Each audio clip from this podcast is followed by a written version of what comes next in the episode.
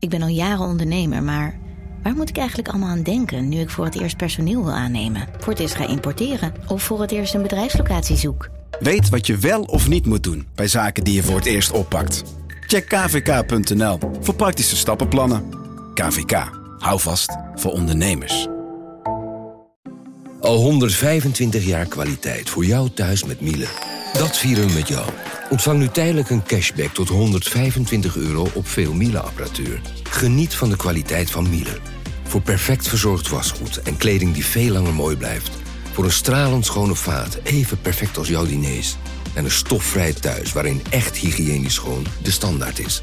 Check miele.nl voor alle feestelijke aanbiedingen.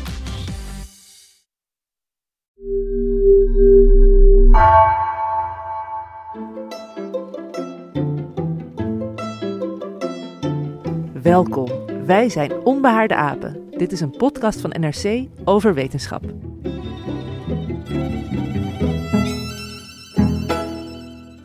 Water is onlosmakelijk verbonden met Nederland. We houden ervan, maar een dreiging ligt altijd op de loer. Na de watersnoodramp in 1953 werden de Deltawerken gebouwd. Het is Nederlands grootste verdedigingssysteem tegen hoogwater vanuit zee. Maar kunnen ze ons, nu de zeespiegel stijgt, nog wel beschermen in de toekomst?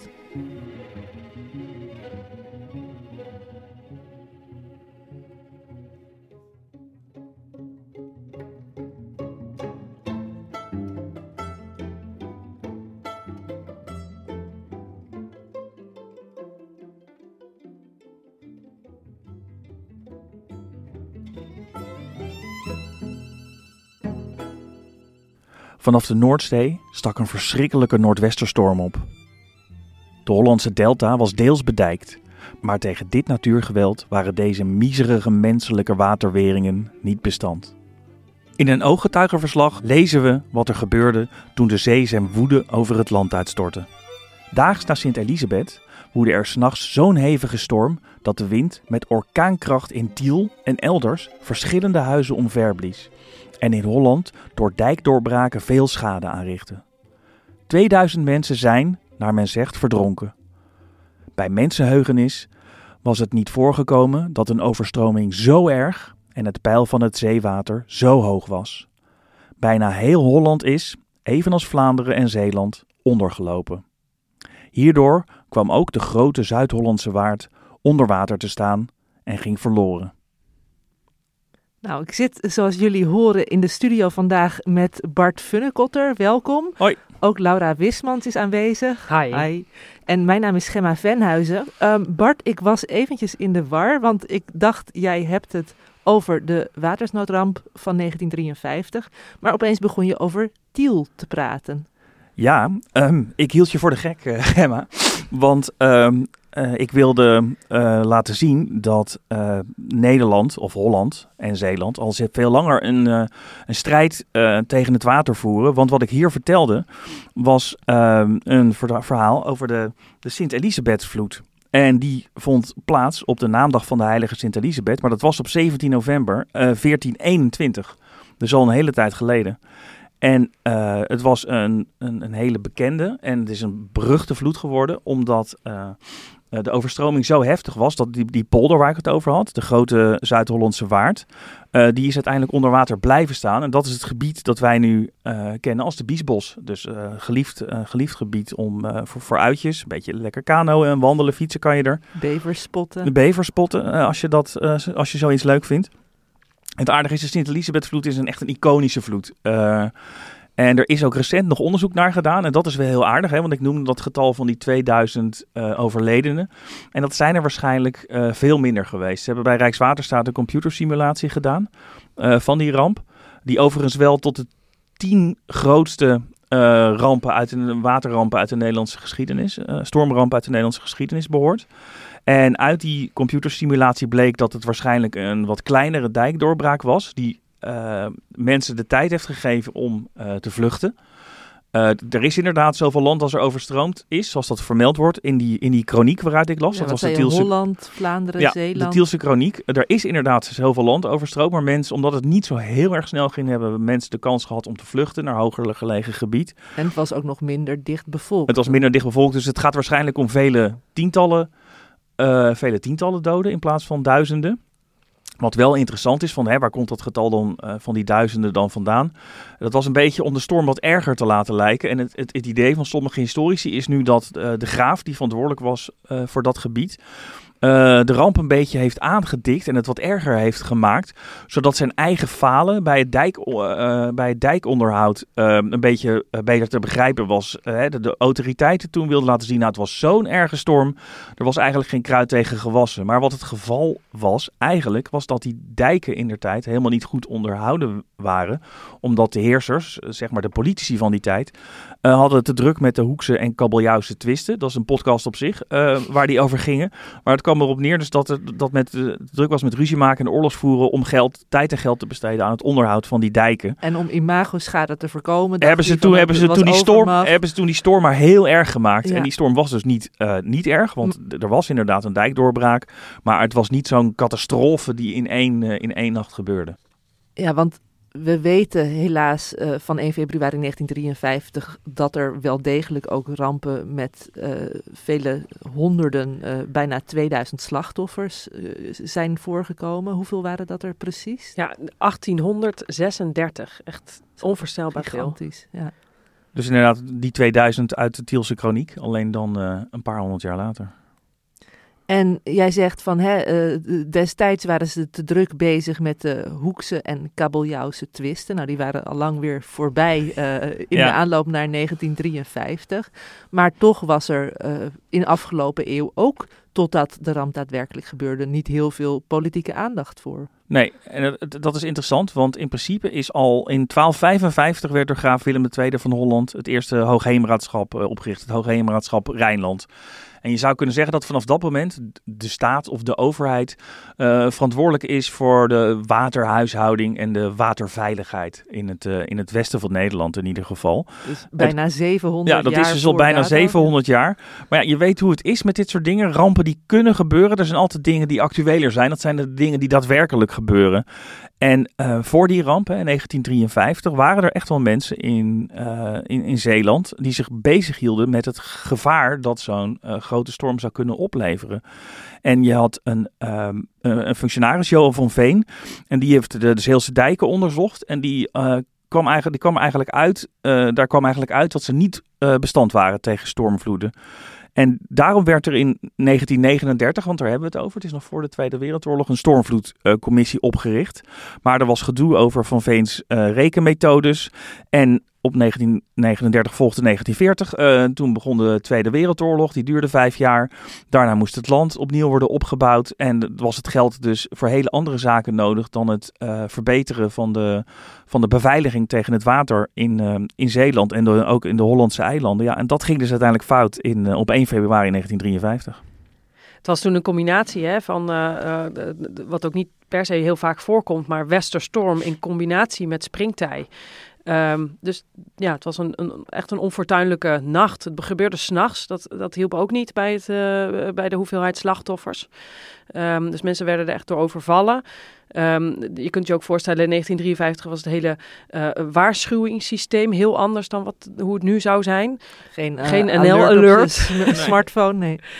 Nee, dus, dus ja, dat, dat, dat droeg allemaal bij aan, um, aan dat het zo plots ging. Uh, nou ja, en ja, de kennis was er eigenlijk al dat de, de, de, ja, de boel niet voldeed. Maar die ramp was nodig.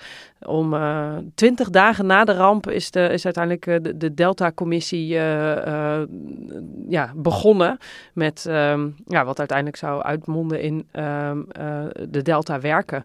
En één jaar na de watersnoodramp is, is, is er begonnen met de, de bouw van, van de eerste, eerste waterkering. Ja, dat is cru, hè? dat er een ramp altijd toch voor nodig lijkt te zijn om dan daadwerkelijk in actie te komen. Maar Ja. goed, die actie die kwam er wel. Eén jaar na dato zijn ze begonnen, zei je, 1954. Ja. Inmiddels hebben we de Delta-werken. Ik ben er geweest, ik, ook, al, ik, ik ben er overheen gereden, maar ik heb ze even niet meer helemaal scherp in het vizier. Laura, help me nog even herinneren, hoe groot zijn ze? Waar bestaan ze precies uit? Ja, ja nou, het, het, ehm, het zijn dertien stuks. Ik ga ze niet allemaal uh, langslopen, want dan zitten we hier morgen nog. Maar ehm, je hebt ze dus van groot tot klein. er zijn een aantal dammen die helemaal dicht maken.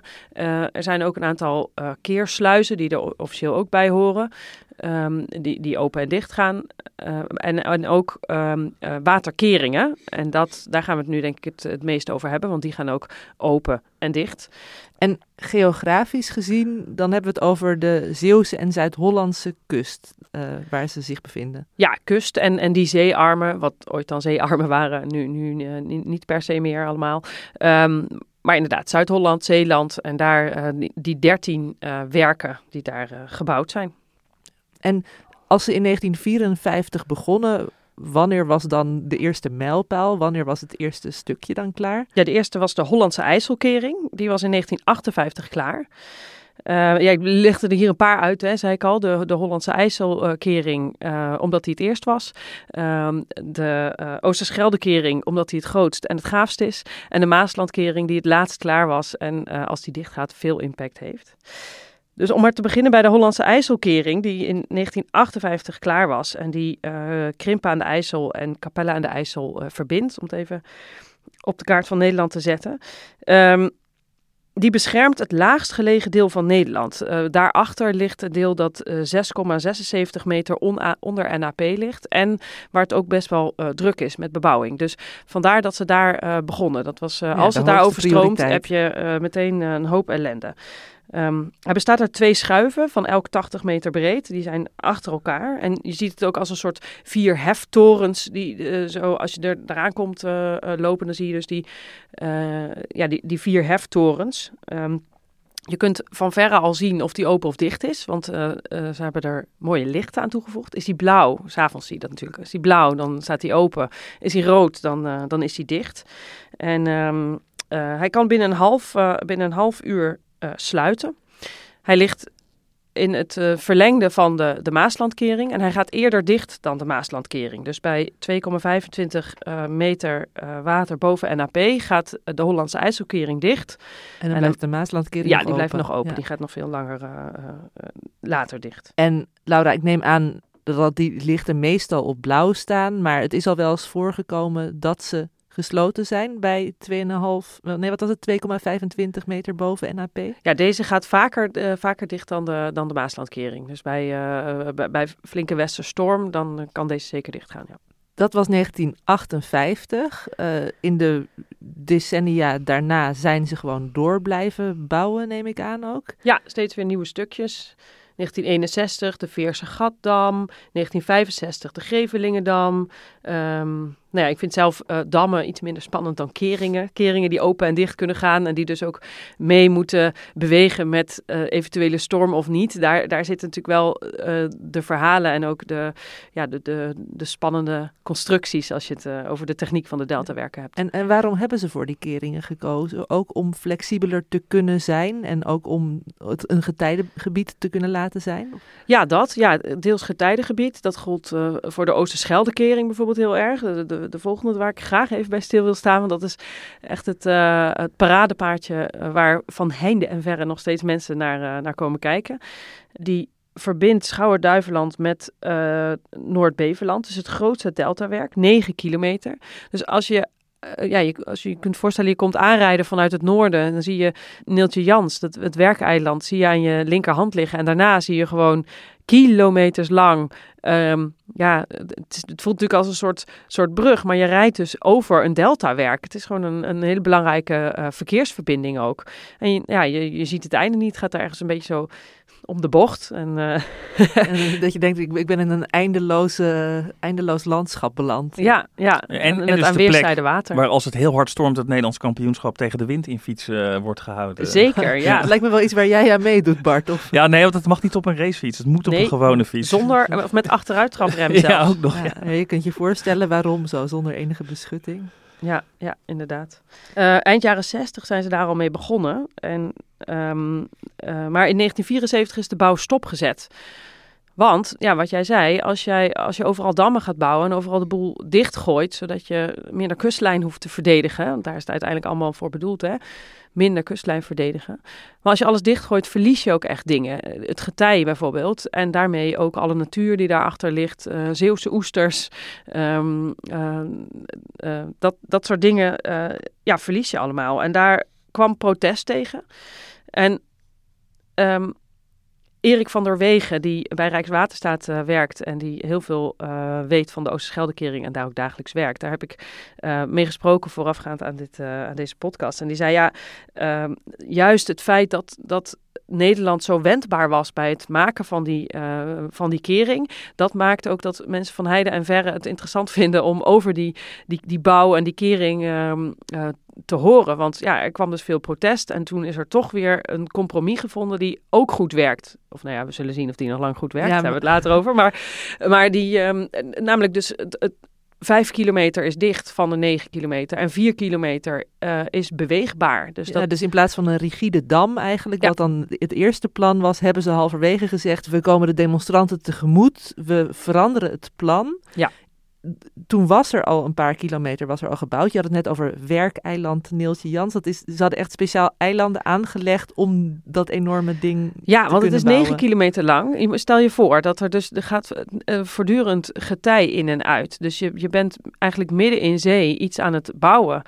Um, technisch gezien was zeker ook dat ze op een gegeven moment uh, de, uh, een beweegbaar deel wilden gaan maken. Was technisch gezien nog nooit vertoond. Mensen dachten zelfs, dit, dit kan helemaal niet. Want er gaat uh, per wisseling van het getij een Sahara in en uit, wordt zo vergeleken. Ik weet niet of het echt de hoeveelheid Sahara-zand is. Maar in ieder geval um, niet echt een stabiele ondergrond om iets op te bouwen maak je een dam, dan gooi je gewoon uh, rotsblokken, blokken beton erin. En dan maak je dicht, je gooit er zand overheen. En ja, dat, dat wordt wel stevig. Maar wil je iets bewegends, wat dus wel genoeg grip heeft om dat te kunnen maken. Um, of om dat te bewaarheid te kunnen zijn, dat, dat maakt het uh, ja, een uitzonderlijk bouwproject. En hoe dan? Wat, wat is het geheim erachter? Ja, ze hebben allereerst nieuwe rekentechnieken gebruikt. Dus echt een, een heel een sprong in kennis geweest. Uh, vertelde, ik sprak trouwens nog iemand van Rijkswaterstaat, Harold van Waveren. Met z'n tweeën vertelden ze me alles en oh, met super veel enthousiasme over die, uh, over die dam. Heel interessant. Maar het crux van het verhaal is dat ze een soort matten hebben neergelegd op de bodem. Uh, bestaande uit textiel, deels textiel, deels ook beton, geloof ik. Um, en die matten die zijn zes meter breed en die houden uh, het zand op hun, op hun plek. Dus die zorgen dat die Sahara niet voortdurend heen en weer gaat. Zo. En bovenop die matten zijn, zijn kolossale pijlers gebouwd. 65 stuks van elk, uh, misschien niet allemaal, maar de, de zwaarste weegt 18.000 ton. Ja, dan gaat zo'n mat niet zo snel van zijn plek. Nee, in principe niet. Maar juist de, vorm van die mat uh, maakt... Ik stel me toch een mat uh, voor waar ik mijn uh, schoenen op, op hoe heet dat, afschraap als ik naar binnen ga. De vorm van zo'n ding maakt dat hij niet dat hij het zand vasthoudt. Tussen al die pijlers hebben ze schuiven gebouwd. Elke schuif is 42 meter lang en, 12, of, en 6 tot 12 meter hoog.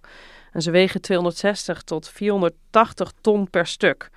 Ja, 6 tot 12 meter hoog. Bedenk je dat een, een gemiddeld huis is 8 meter hoog. Dus ja, dat zijn gewoon gigantische dingen. Ze hebben speciale schepen gebouwd om, om, uh, om dit te kunnen doen. Om dit werk te kunnen, te kunnen verzetten.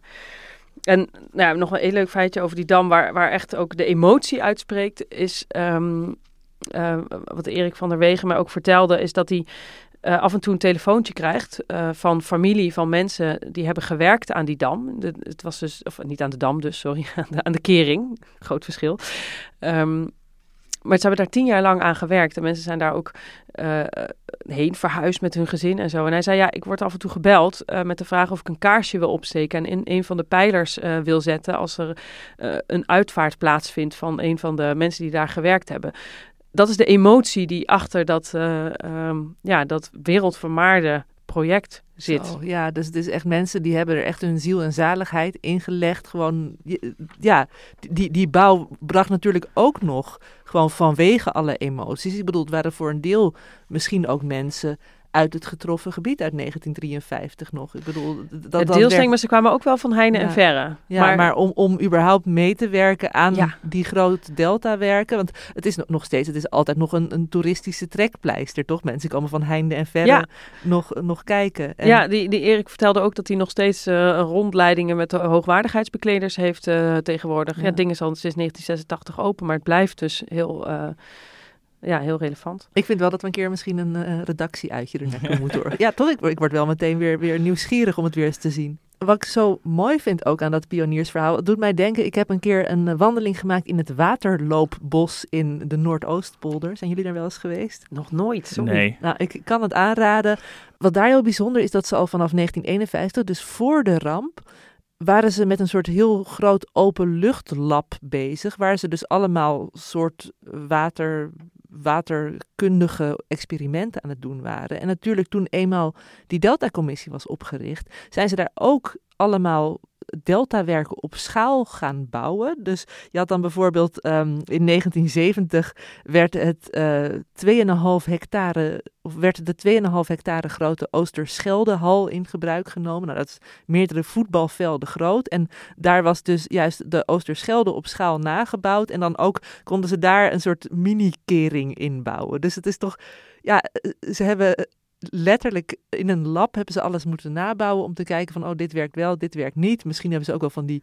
Dat zouden ze nu allemaal in de computer doen, hè? Maar toen deed ja. dat in... Ja, en je ziet nog altijd die restant, als je daar in het bos loopt. Het is um, volgens mij in 1996 uiteindelijk is het buiten werking gegaan, dat lab. Hè. Toen hebben ze, ze hebben inmiddels nog wel bij de TU Delft hebben ze een soort overdekt waterlab. Maar dat, dat bos, je, als je daar loopt, zie je gewoon nog al die voormalige proefopstellingen staan daar. Het is wel de moeite waard om eens te gaan kijken. Maar, goed, nog een redactie uitje. Maar wat was de functie om dat in een bos te doen dan? Nou ja, het was gewoon, ze hadden een plek nodig waar ze veel water eh, tot hun beschikking hadden en waar ze het water ook op bepaalde manier konden regelen, waar niet te veel mensen woonden, zodat ze geen last hadden van te veel pottenkijkers, denk ik ook. En um, ja, er is ook gewoon, denk ik, een bos omheen gegroeid. Ze hadden een plek nodig voor een openluchtlab. Ze hebben verschillende locaties uitgezocht. En daar kwam het Voorsterbos in de Noordoostpolder uiteindelijk als meest geschikte uit de bus. Juist, ik dacht rond wat is de rol van een boom verder bij de waterkering, maar dat is, was dus nou toevallig. Ja. Hè, uh, Dammen, bevers, maar goed, dat, ja. dat, dan komen we weer bij de biesbos uit. Maar ik wil nu nog even, want we hadden net dus de Oosterscheldekering en jij noemde net ook de Maaslandkering al, Laura. En dat is het sluitstuk, letterlijk en figuur. Nee. Ja, wat een leuke beeldspraak, uh, Gemma. Ja, nee, ja, inderdaad, de Maaslandkering. Um, die is in 1997 pas uh, afgerond. Het laatst voltooide Delta-werk dus. En ik vind dat persoonlijk ook een hele indrukwekkende. Uh, want dat die heeft die, die grote witte halve manen die zo uh, eerst eigenlijk aan de kant liggen. En als die gebruikt wordt ineens zo dichtschuift. Ja, ik zit hier dus enorm met mijn arm te zwaaien. Uh, dat aerobics klasje ja. met Laura. horizontaal de armen heen en weer bewegen. Ja, voor je borst en naar buiten. Ja. Um, ja, en dat, dat is weer een heel ander soort. Want we hebben heel veel van die, uh, van, uh, nou ja, ook uh, de Hollandse IJsselkering en de Oosterscheldekering, dat zijn allemaal schuiven die omhoog en naar beneden gaan. Maar deze die, die gaat dus helemaal weg en dan weer erin. De bedoeling daarvan is eigenlijk dat die zo min mogelijk gebruikt wordt. en dat die dus de, de weg naar de Rotterdamse haven openlaat. Daarom is die uh, op, op deze manier gebouwd. Dus dat er nog steeds heel veel uh, scheepvaart in en uit kan. Hij heeft de grootst beweegbare delen van een waterwerk. Um, hij is 420 meter breed, dus elke deur is 210 Zo. meter breed. Um, en er zit dus een, een bolscharnier aan. Dat bolscharnier is 10 meter. En dat, ja, dat moet je een beetje vergelijken met je eigen schouder. Dus die, ik zit oh ja, hier weer met mijn armen te op en neer en heen en weer. Ja, ja maar je kunt hem naar links en naar rechts. Maar ook van boven naar beneden. Want dat gebeurt er met die, met die deuren. Die gaan dicht. Dan loopt hij vol water. En dan zinkt het af naar de, uh, naar de bodem. En zo sluit hij de boel af. Uh, dus dan kun, kan die vanaf het land uh, ja, zo in, in gebruik worden. Maar hij, het duurt 2,5 uur om hem om hem dicht te doen. Dus dat doe je niet, uh, niet even zomaar. En ehm, hij gaat dicht als er uh, uh, ja, vlak buiten Rotterdam drie meter water boven NAP is, is gemeten.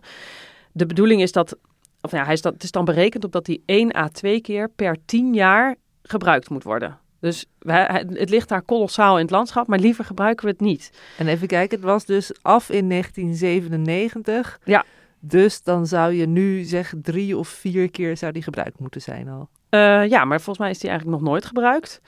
Um, wel, hij is wel eens dicht gegaan natuurlijk. Elk, elk jaar hebben ze een, een proefsluiting. En uh, dat is een heel feestelijke dag, vaak, vaak op zaterdag zelfs.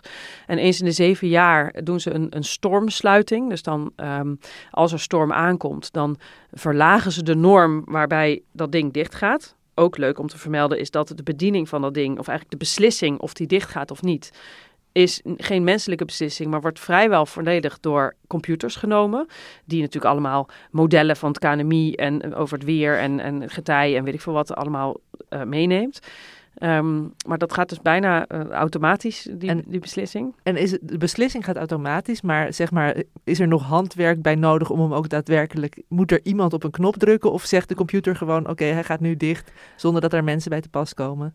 Uh, dat weet ik eerlijk gezegd niet helemaal. Ze zitten natuurlijk wel. Uh, het is niet alsof ze dan vanaf een afstandje gaan kijken. Nou, hopen dat de computer het doet. Ze zitten wel in een control room uh, dat te doen. En, en, maar ik weet niet, als iedereen verdronken is, gaat hij denk ik alsnog wel dicht. Volgens mij is dat wel het idee van dat computersysteem, ja. ja dus er, er is, hè, wat je zegt, van hij is erop berekend om dan bij noodgevallen dicht te gaan. Maar liever gebruiken ze hem ja, niet natuurlijk. Ja. ja. wat misschien wel leuk is om te zeggen. buiten Zierikzee heb je het museum van de, van de watersnoodramp.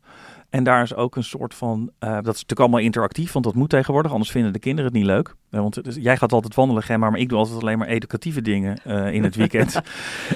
en je Daarom hebt, ben je ook zo slim, Bart. je hebt in dat museum dus een opstelling, dan zit je in zo'n soort van stoel, zo'n controllerstoel met, met knoppen naast je. En voor je is een grote wand met allemaal beeldschermen. En dan is er dus, dan dreigt er, een, dan dreigt er dus watersnood.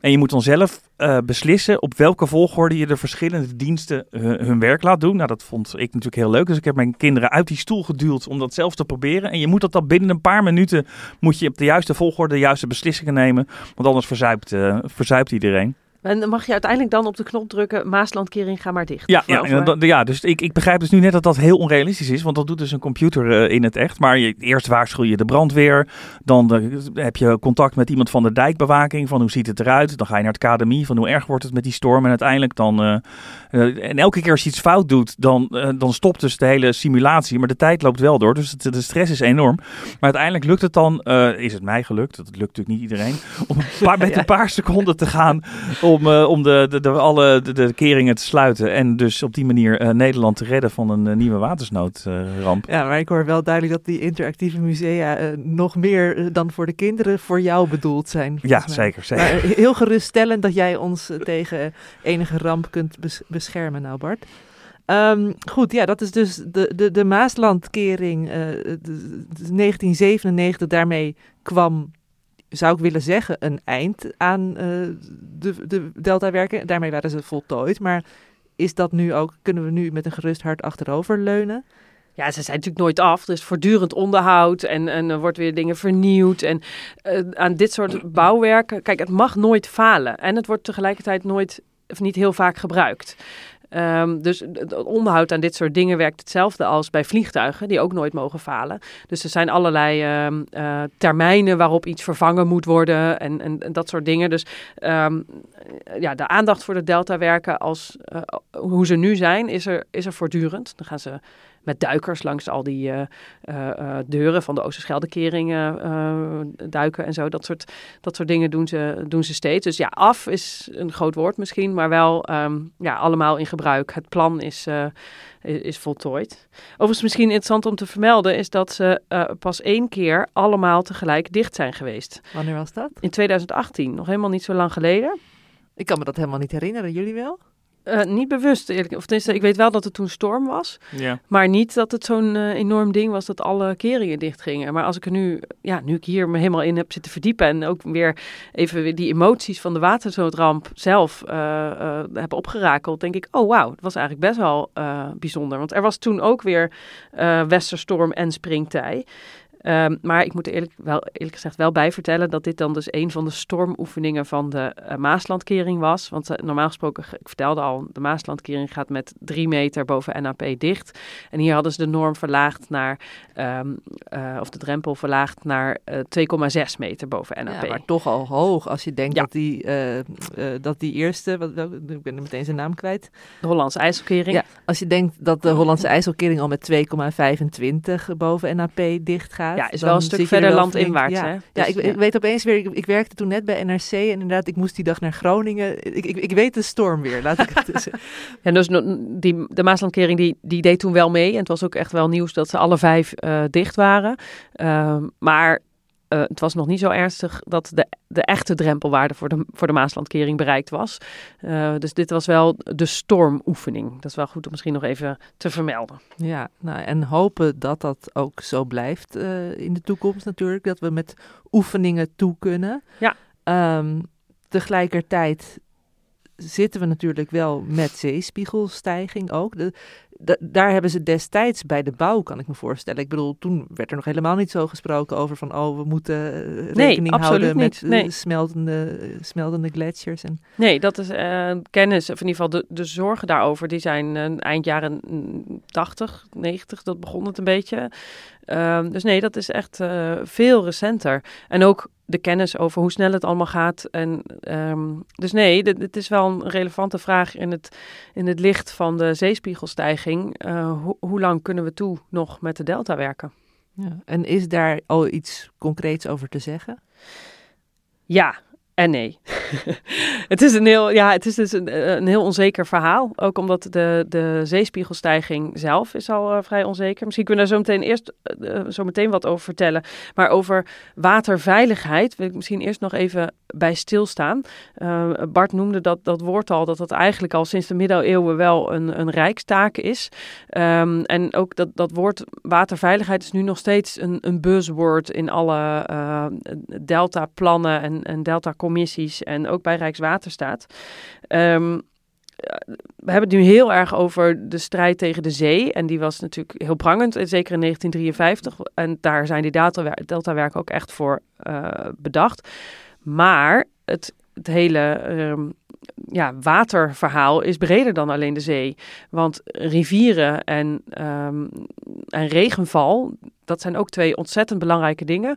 Is in Limburg natuurlijk ook gebleken recent nog? Ja, ja in 2021 in de zomer. Ja, een, een gigantische overstroming daar. Dat was overigens niet een van de primaire waterkeringen. Dus dat hebben we ook weer verschil in Nederland tussen de, de primaire waterkeringen, waar onder meer de deltawerken bij horen, en de, de dijken rond de zee en de, en de grote rivieren. En dit was dan kleinere rivieren waar het mis is gegaan. Dus dan toch weer net weer een ander verhaal. Um, maar jij, wat je zegt, het komt dus van beide kanten, ja, het, het dus gevaar de, van het water. Ja, dus de werkelijkheid van waar de, waar de deltawerken en de toekomst van de deltawerken op uh, bedacht moeten zijn, is meer dan alleen de zeespiegel. Dat is wel uh, nuttig om te, om te weten. Het inzicht in wat er allemaal kan gebeuren en wat voor gevolgen dat allemaal heeft, dus qua overstromingen en uh, qua consequenties van die overstromingen, daar is veel meer inzicht in gekomen sinds de tijd dat, we die, dat de, plannen voor de deltawerken gemaakt werden. En um, ja, er komt een heel saai verhaal over, over normen, maar dat is wel in het kader van waterveiligheid ontzettend belangrijke verandering geweest die in 2017 heeft plaatsgevonden. Uh, toen de deltawerken gemaakt werden, nou, ik zei net al dat de Hollandse IJsselkering is niet voor niks daar als eerste gebouwd, omdat daarachter een heel laag gelegen en economisch belangrijk, uh, economisch zeg ik, dat in, deze termen is dat niet alleen de bedrijvigheid, maar ook de mensen. Er ligt veel waarde achter die kering. Um, maar de kennis over um, um, ja, de, de, waarde van de verschillende stukken land in Nederland. Als er ergens, heel onerbiedig gezegd, maar als er ergens landbouwgrond is uh, uh, met koeien, is dat uh, ja, minder erg als dat overstroomt dan wanneer um, heel Rotterdam overstroomt. Dat, dat heeft verschillende ja, mensenlevens en, en verschillende impact. Toen de deltawerken gebouwd werden en ook het hele dijkencomplex, ook in, in de rest van Nederland trouwens, uh, dan werd er met dijkringen gewerkt. En eigenlijk alle, uh, er werd daarbinnen wel bekeken van oké, hier ligt uh, Amsterdam in en hier ligt dit is, Friesland. Zeg maar dat dat wel een beetje verschillende waarden had qua hoeveelheid mensen, dus vooral hebben we het dan over. Um, en dus qua hoeveel bescherming per se nodig is. Klinkt heel cru, hè? Dit zijn allemaal ja, getallen. Dit is een papieren werkelijkheid nou, hierbij. Ik, ik, wil net zeggen van ja, je, je, je zal maar in Friesland wonen en denken van nou oké, dan worden wij dus minder goed beschermd of het, wordt onze bescherming minder goed geacht, puur cijfermatig. Ja, we hebben het hier dus over grote getallen en dus hele kleine kansen dat, dit, uh, dat, dat zoiets gebeurt. En het, het, goede nieuws, want daarom, daarom begin ik hierover. In 2017 is er een veel specifieker manier van uh, uh, kijken naar die risico's gekomen. Dus eerder ging het in dijkringen uh, heel erg in, in het algemeen. Uh, en nu is per stukje dijk maakt het, maakt het uit. Want het maakt uit of uh, wat voor land erachter ligt, of iets hoger of lager ligt, uh, of daar een stad ligt of vrij land. Um, en of er een stel aan een, een dijk breekt, door, breekt op een, op een plek door waar vrij laag land en druk bezet land ligt, dan is, is de impact gigantisch. Um, terwijl als dat gebeurt bij een, uh, een dijk waar uh, minder mensen achter wonen en vrijer land, of, en waar misschien wel sneller weer wegstroomt, dan is de impact ook, of, dan is de impact minder groot. Dus het betekent dat, aan de, um, dat elk stukje dijk een, een eigen kans heeft gekregen waarop die moet, waarom die aan voldoen. Dus een strenge norm, even een voorbeeld geven, is dus 1 op 100.000. Dat is dan de kans op een dijkdoorbraak met overstroming tot gevolg per jaar. Dat is een hele strenge norm. Uh, en je hebt ook dus 1 op 10.000. Dat is wat minder streng. Dus die mensen in Friesland die zich misschien nu heel erg zorgen maken, het zijn nog steeds uh, hele kleine kansen. Dus de kans op een dijkdoorbraak met een overstroming tot gevolg per jaar. Um, over dat soort uh, dingen. Maar als dus dan een stuk dijk niet aan die norm voldoet, dan is, moet die dijk worden uh, uh, geüpdate. Ja, en eerder was het dan altijd, dan moet de hele dijkring worden geüpdate. En nu kunnen en nu ze het met stukjes tegelijk. Ja, met stukjes tegelijk. En ook dus heeft het ene stukje betere bescherming dan het andere stuk. Dus het is economisch slimmer, maar ook vooral voor de veiligheid daarachter um, maakt, dit, maakt deze andere manier van berekenen heel erg verschil. En die normen waar je het nu over hebt, dat geldt dan specifiek voor de dijken. Maar hoe weet je bij de deltawerken dan wat die precies aan kunnen? Ja, die, de deltawerken die uh, zijn ook onderdeel van, van, uh, die, uh, van, van eigenlijk ook die spelen samen met de dijken, laat ik het zo zeggen. Um, dus je moet zien dat zo'n deltawerk is dan de voordeur voor het gebied erachter. Dus het maakt heel erg uit of je, uh, stel je voordeur is niet zo sterk, dan moet je zorgen dat je dijken daarachter uh, sterker zijn. En andersom, als je een hele sterke voordeur hebt, kan je met iets minder sterke dijken ook al heel veel aan. Dat is een beetje de, het krachtenveld waarin je ook die, ehm, de, de delta-werken en de toekomst ervan ehm, moet zien. Um, wat ook nog interessant is om te noemen, is dat bij de normen die, die dan voor de deltawerken specifiek gelden, is dat de faalkans dat die open en dicht gaat heel erg, uh, of dat die, dat die niet dicht gaat, dat dat een, uh, oh, dat een hele belangrijke factor is. Het systeem, want je zei net al bij de Maaslandkering bijvoorbeeld van het duurt 2,5 uur voor die dicht is, maar als hij helemaal niet dicht gaat, ja, dan zit je pas echt met een probleem. Ja, dat er echt iets, iets stuk gaat. Ja, Murphy's Law, die er hier, uh, hij moet natuurlijk onder super zware omstandigheden, dan moet hij vooral zijn werk gaan doen. Um, dus ja, dat, dat um, ja, de dat is allemaal meegenomen in dit soort rekenmodellen. moeten dan niet uh, kortsluiting hebben omdat er te veel water in de controlekamer is gekomen. Nee, precies. Ja, het kan dan altijd nog wel handmatig en zo. Daar, daar zijn heel veel uh, veiligheidsnormen natuurlijk wel voor, voor uh, ingebouwd. Maar maar inderdaad, die, die faalkans is, is, is, een beperkende factor bijvoorbeeld voor, uh, uh, voor de normen die de deltawerken krijgen. Maar even kijken, ja, jij vroeg ja, hoe weet je wat een deltawerk aan kan? Nou, de Oosterscheldekering bijvoorbeeld is gebouwd voor uh, dat die maximaal kan die 5,8 meter boven NAP aan. Dat is, echt veel. Ja, als je denkt van die 2,6 die we dan in januari 2018 hadden, dan uh, ja, daar was zit je, je, dus ongeveer het, dubbele bijna. Ja, ja, bij drie meter boven NAP gaat hij dicht. En dat is gemiddeld één keer per jaar. Dat is dus bij de Oosterscheldekering vaker dan bij de Maaslandkering, waar die Ja. drie meter boven NAP eens Niet- in de tien jaar hooguit wordt Ja, gehaald. in, in de vijf of tien jaar is Ja. de, het idee daar, ja, daarvan. Ehm, Maar in de praktijk dus nog nooit. Dus go- ja, om even weer mijn verhaal terug te pakken. Hij kan dus meer aan dan waar die dagelijks voor gebruikt wordt. Dus in die zin eh, hoeven we niet eh, acuut eh, bang te zijn voor zeespiegelstijging. Maar er is een hele grote maar aan. Als de zeespiegel met 1 meter stijgt, dan zal de kering vaker dichtgaan. En als hij met 2 meter stijgt, zal die nog veel vaker dichtgaan. En dan, ja, dat, dat komt totaal niet overeen met het idee waarmee die kering gebouwd is. Namelijk, hij moest open blijven, want anders verliezen we eh, het, het, getij daar. Dan eh, is het... de eh, oesters. ja, en- ja. alsnog de oesters weg. En voor de Maaslandkering geldt hetzelfde. Als de zee hoger komt te staan, dan moet die gewoon vaker gebruikt worden. Ehm, ja, dan loopt het land niet onder. Maar ondertussen heeft dat grote gevolgen voor de haven van Rotterdam. Want die is dan onbereikbaar als die dicht is.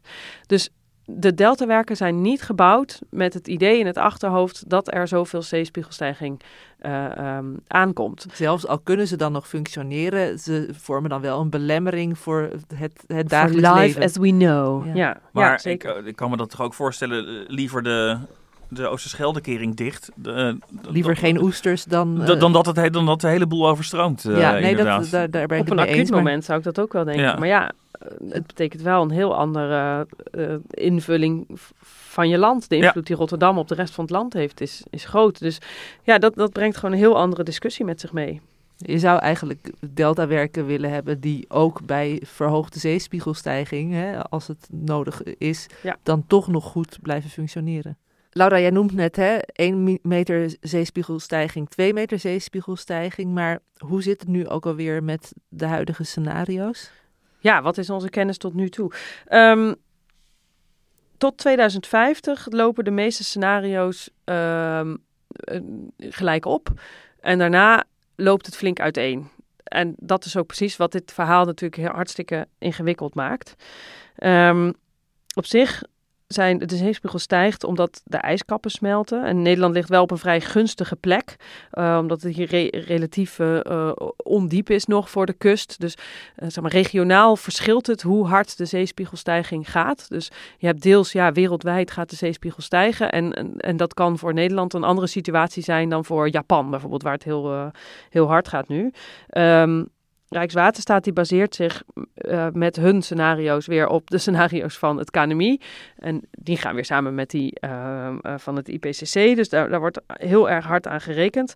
In het laatste klimaatsignaal dat eh, het KNMI in, in 2021 uitgaf, eh, staat dat als de, ehm, als de uitstoot van broeikasgassen niet vermindert, dan schatten zij op dit moment in dat aan het eind van deze eeuw, dus in 2100, de zeespiegel met 1,2 meter zal zijn gestegen.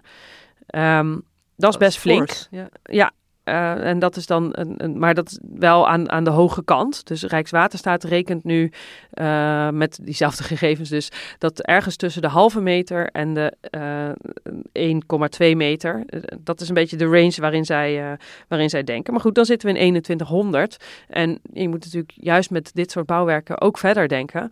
Een zeespiegelstijging van 50 centimeter in 2100 heeft in 2500 een andere consequentie dan wanneer je begint met 1,2 meter. Zeg maar. Dus Ja. dat, Want Dat- voor hoeveel eeuwen zijn de deltawerken eigenlijk ontworpen? Hadden ze daarover nagedacht? Ja, verschilt. De Hollandse IJsselkering is voor 100 jaar gebouwd eh, met, met het idee. En de Oosterscheldekering is gebouwd om 200 jaar mee te gaan. Eh, maar ja, wat ik zei, die is dus niet gebouwd om eh, voor, met het oog op zeespiegelstijging. Dat wisten ze toen nog helemaal niet. En ook hoe vaker die dicht moet, hoe vaker die gebruikt wordt, hoe eerder die aan het einde van zijn levensduur is. Dus dat, dat kan nog eh, korter worden. Maar, maar even concreet, als je zegt gebouwd om 200 jaar mee te gaan, was dan het idee dat er daarna een nieuwe werd gebouwd of zo? Dat weet ik niet hoe ze toen, toen naar keken. Maar ja, je, je- gewoon het staal en de hele constructie Ja. heeft dan een levensduur van zus of zoveel. Ja.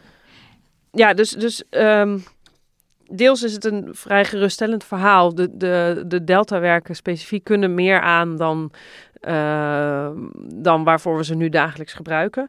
Maar uh, ja, het, het aller case scenario is dat, die, uh, dat aan het einde van deze eeuw uh, de boel drie meter is gestegen, de zeespiegel. Zo, en, en als je dan een keer een flinke westerstorm hebt en springtij, dan kom je misschien wel bij die, wat was het, die 5,6? Ja, ja, ja, dus um, maar in dat geval ook... voldoen ook gewoon de duinen bij Katwijk en, en Scheveningen en, en Schorrel niet meer, uh, nee. lijkt me. Dus nee. dan, dan, dan, moet is... je echt de trucendoos openen. Ja, ja, maar dat, dat roept dan wel de vraag op van wat nu, hè? Als inderdaad die, die, die, die, die trucendoos die we nu hebben niet meer werkt, gaan we dan nog een uh, opzetstuk op de deltawerken plaatsen? Of uh, moeten we helemaal iets nieuws verzinnen? Moeten we een deel van Nederland opofferen? Wordt daar dan ook al over gesproken bij het KNMI?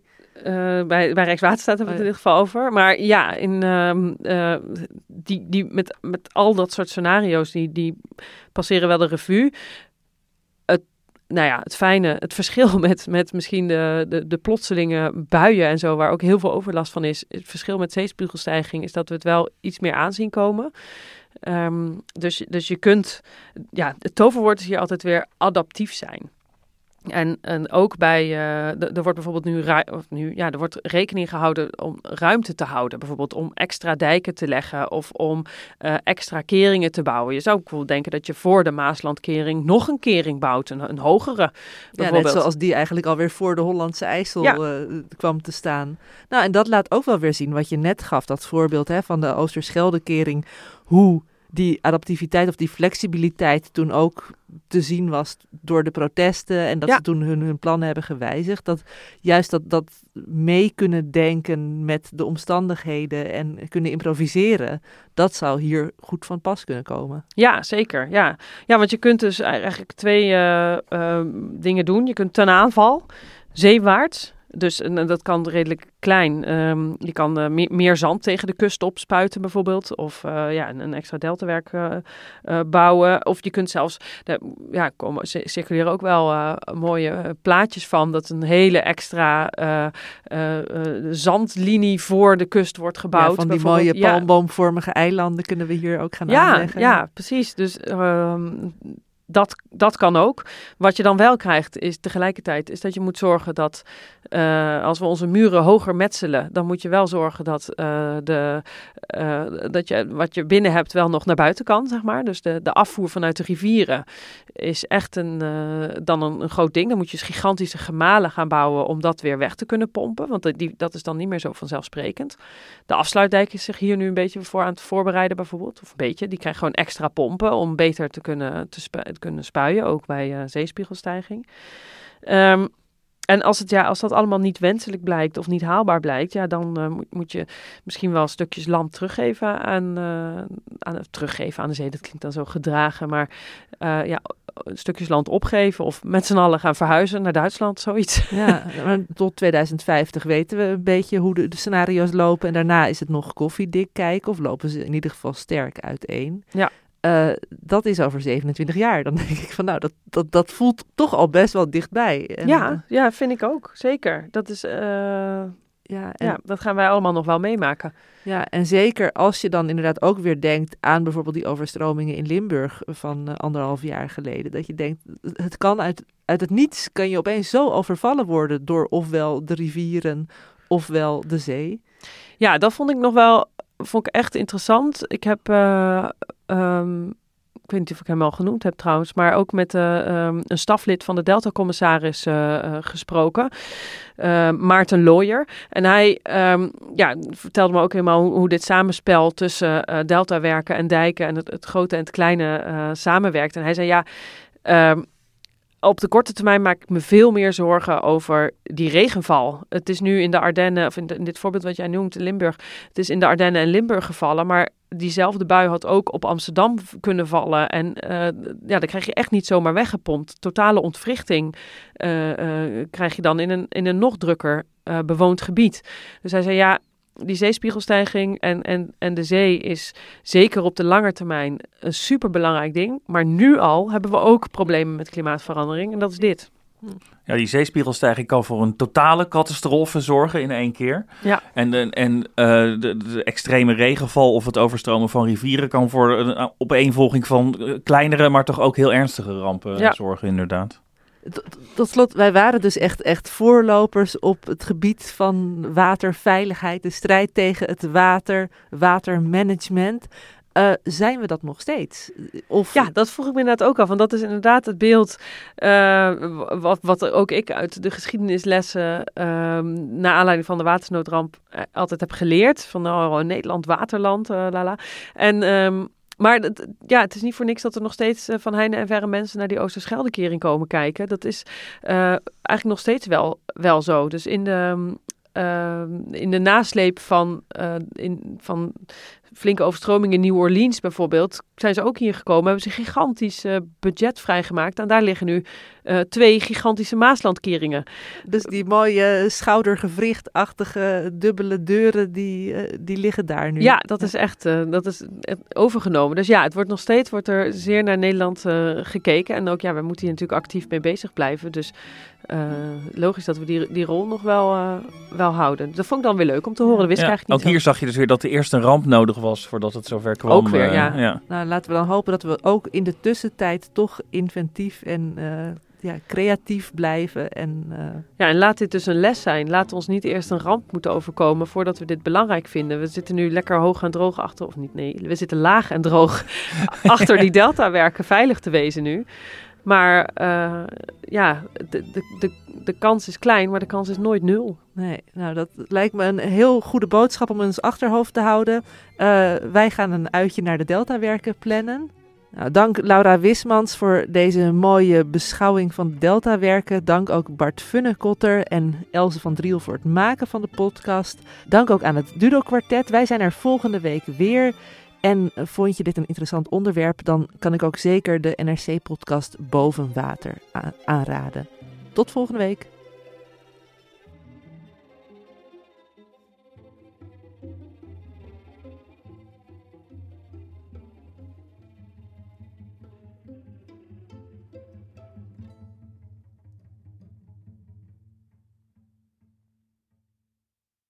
Technologie lijkt tegenwoordig het antwoord op iedere uitdaging. Bij PwC zien we dit anders. Als we de potentie van technologie willen benutten, kunnen we niet zonder een menselijk perspectief. Human-led, tech-powered noemen we dat. Ga naar pwc.nl.